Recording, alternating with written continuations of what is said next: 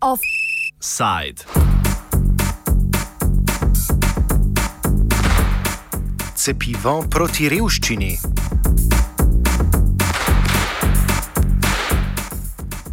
Na pladnju, ki ga je včeraj servirala Združena levica, se je znašel zakonski osnutek o enkratnem odpisu dolga, predviden za socialno najšipkejše. Po zgledu Hrvaške, Makedonije, Mačarske in Islandije naj bi torej zdaj podoben paket pomoči zasnovala še Slovenija in ga seveda prilagodila lokalnim razmeram.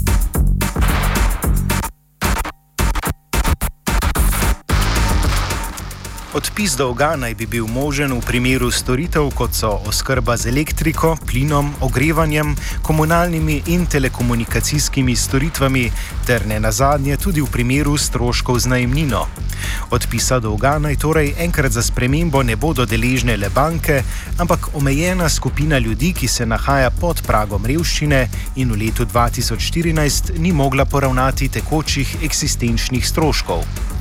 Kakšna je vizija udejanjanja enkratnega odpisa dolga in za koga pride v poštev, pojasni predlagatelj Luka Mesec iz Združene levice.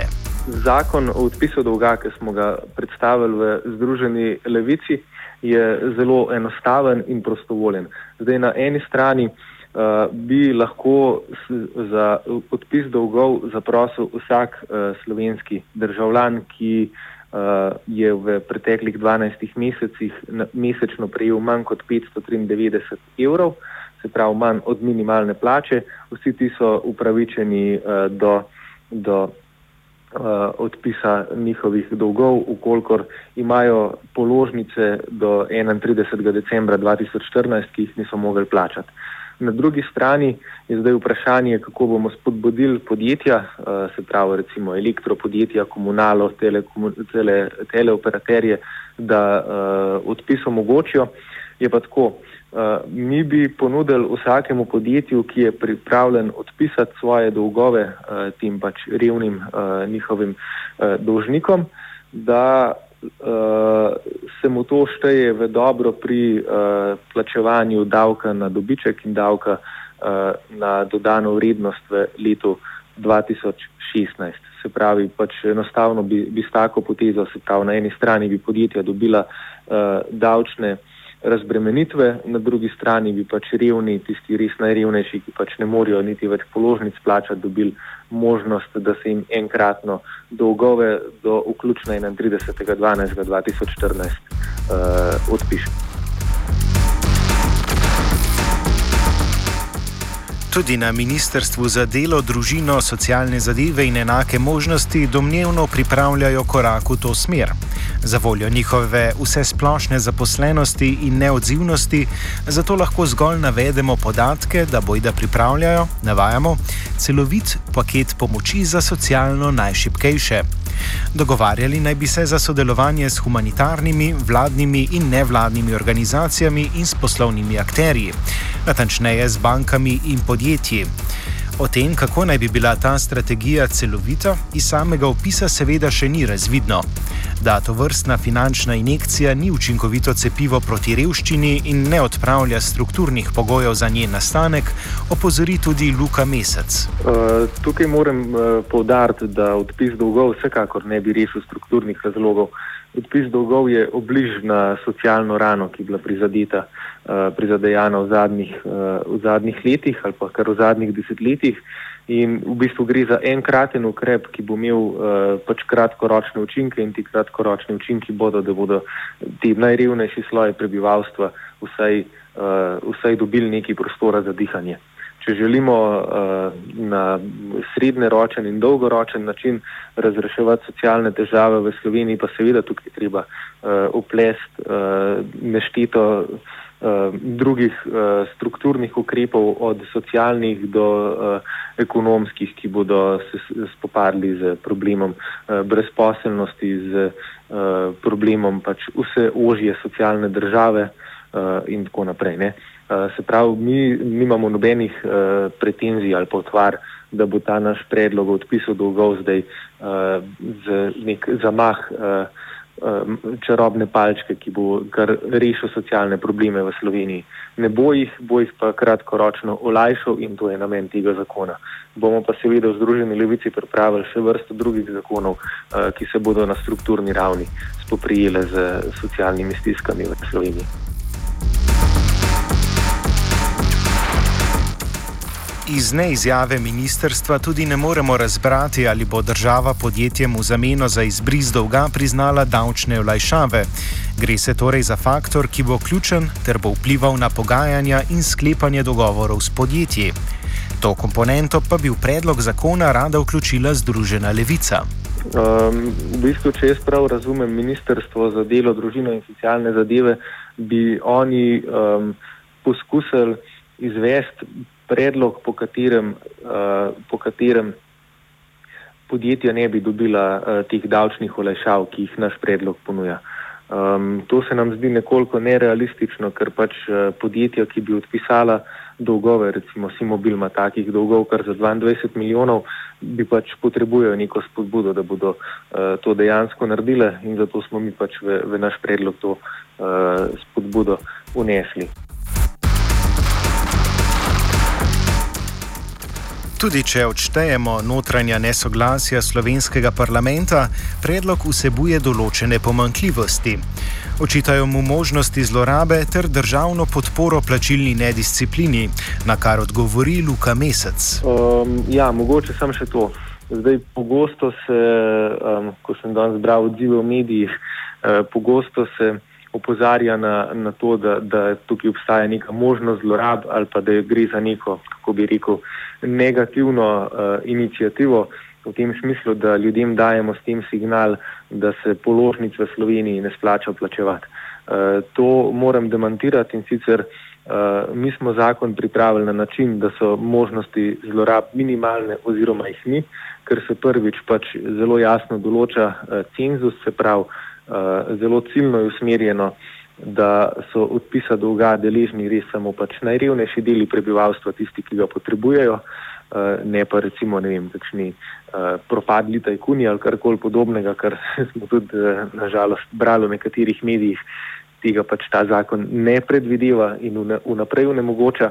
Um, druga zadeva, na katero se je upozarjalo, pa je ta možnost špekulacij, ne, da um, lahko bi zdaj nekdo rekel, ok, država očitno pripravlja odpis dolga, bom jaz nehal plačevati položnice in jih mi bo pol pač država pač uh, odpisala. Uh, tudi to unemogočamo in sicer s tem, da je možno odplačati samo dolgove, ki so zapadli do 31.12.2014. Se pravi, uh, ne, ni možno novih dolgov uh, zdaj akumulirati v pričakovanju, da bo država to kasneje odpisala, ampak samo tiste, ki so zapadli uh, v lanskem letu ali prej. Ravno zaradi varovalk pred morebitnimi zlorabami pa so te seveda postavljene tako, da določen konglomerat slovenskih revežev pustijo zunaj. Izpolnjevanje in dokazovanje pogojev za izbris dolga, kakor tudi samo dejanje izbrisa, bosta torej svoj vrsten in administrativno zahteven podvig.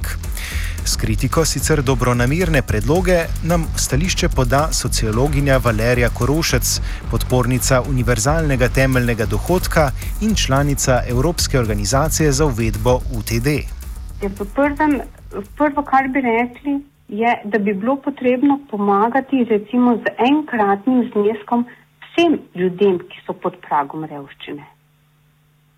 Kaj ti zdi se enostavno problematično, da samo tisti, ki imajo na papirju zapisane dolgove, njim se bo uh, odpisalo. Kaj pa tisti, ki si je od svojega soseda, prijatelja sposojal denar za to, da je plačal uh, recimo račun pri elektriki eh, ali pa telefona. To se pravi, zdi se mi, da bi bilo potrebno ljudem zaupati, da bodo poravnali svoje najhujše dolgove z tem, bi rekli, enkratnim darilom. Uh, in kako bi lahko to naredili, glede na to, da se uh, sliši, ko, kako je to problematično, administrativno zahtevno in tako dalje. Da se poenostaviti, namesto da hodiš od enega podjetja do drugega in ga prosiš, zato, da se enostavno denar iz javnih državnih podjetij, njihovih dobičkov, ki gre drugače v proračun, pač nameni tem najbolj nezaljivim skupinam, ki jih pravzaprav ni treba iskati več potem posebej za nekimi novimi administrativnimi uh, sistemi ali pa pristopi, ampak so že zabeleženi in vključeni v sistem socialne varnosti. Zdaj, ali bi to kaj pomagalo stopni, zmanjšalo stopno tveganja revščina, revščine, seveda ne na dolgi rok.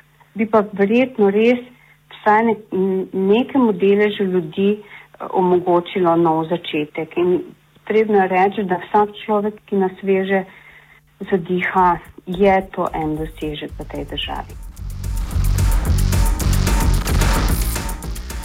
1. januarjem letos je podoben ukrep začel veljati na Hrvaškem, kjer ima zaradi dolgov bančne račune blokirane okoli 320 tisoč državljanov. Načrtovani vladni ukrepi naj bi olajšali finančno stisko posameznikom, ki so v postopkih izvržbe zaradi dolgov, katerih vrednost ne presega 4580 evrov. Ukrepe hrvaške vlade komentira Damir Trančić iz organizacije Živi zid. E, znači to je jedna mjera koja je vlada donijela, no međutim ta mjera uopće ne donosi nikakve rezultate, znači to je samo dio njihove predizborne kampanje i zapravo jako mali broj ljudi, to je zanemarivo broj ljudi će dobiti otpis duga. Tako da zapravo pravog učinka od te mjere u Hrvatskoj nema. Mehanizem odpisa dolga je ukrep, katerega učinki so razmeroma kratkoročni, predvsem pa si državne vlade lahko obetajo ugodne meritve javnih mnen. V čigavem interesu deluje hrvaška politika, nadaljuje Trančič.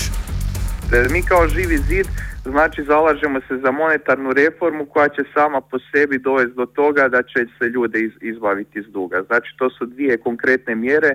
Prva je ukidanje valutne klauzule, znači ukidanje odnosa s eurom, znači kune sa eurom, a druga je znači e, uvođenje nekreditnog novca, to je primarne emisije novca i zapravo dogodit će se to da će inflacija preko noći pojesti E, znači kredite građanima. Tu mogu navesti primjer recimo ovoga švicarskog franka koji dokazuje samo koliko je monetarna promjena, to jest monetarna politika jaka, gdje zapravo građani preko noći, znači, to jest odu spavati, ujutro im je dug, on, znači sama glavnica, znači uvećana za, za 20-30%, Isto tako, znači e, monetarnom politikom se može dogoditi to ako postoji politička volja da građani odu spavati, da im ujutro zapravo dug se smanji na isti način. Znači, međutim, post, samo je pitanje da li će ljudi koji su u politici, znači koji zastupaju e, građane u parlamentu, zastupati građane ili će zastupati interese banaka. Trenutno u Hrvatskoj i SDP i HDZ zastupaju interese banaka. Zakon predloga o enkratnem odpisu dolga ima torej na kljub dobronamernim motivom svoje omejitve. Kakor torej finančne injekcije niso rešile bank, tako torej tudi odpis dolga ne bo odpravil revščine, kaj šele njenih strukturnih pogojev, zaključi Valerija Korošec. Rada bi povedala, rada bi dala en primer, o katerem smo razpravljali dva tedna nazaj na strateškem sestanku v Mariboru. In sicer precej podobna uh, ideja, angliških ekonomistov, ki so Evropski komisiji pisali, da bi denar, ki ga Evropa zdaj namenja za kvantitativno popuščanje, na mesto bankam namenili ljudem. Tam je bil identičen problem. Da razpravljamo o tem, da enostavno, če je en pristop napačen in se ga uporabilo prej za banke, potem je ta pristop napačen tudi za pristop reševanja problemov najrevnejših. O čem govorimo? V tem, da smo vse čas rekli, da je napačno reševati banke, ki so napačno ravnale. In tukaj do določene mere to velja tudi seveda za ljudi, ki niso plačevali dolgov. In zdaj, tako kot marsikdo opozarja, je to tisto moralni hazard, pol bodo pa nehali plačevati. Pri revnih ljudeh je pa kljub temu re, treba reči, da so pa vsaj nekajkrat manj krivi kot banke. Kajti banke so bile bolj informirane in so vodile to igro. Tako da na tej ravni lahko rečemo, da imajo eh, najravnejši več pravice do družbene pomoči, kot so imele banke. Offside sta pripravila Jošt in vajenka Maruša.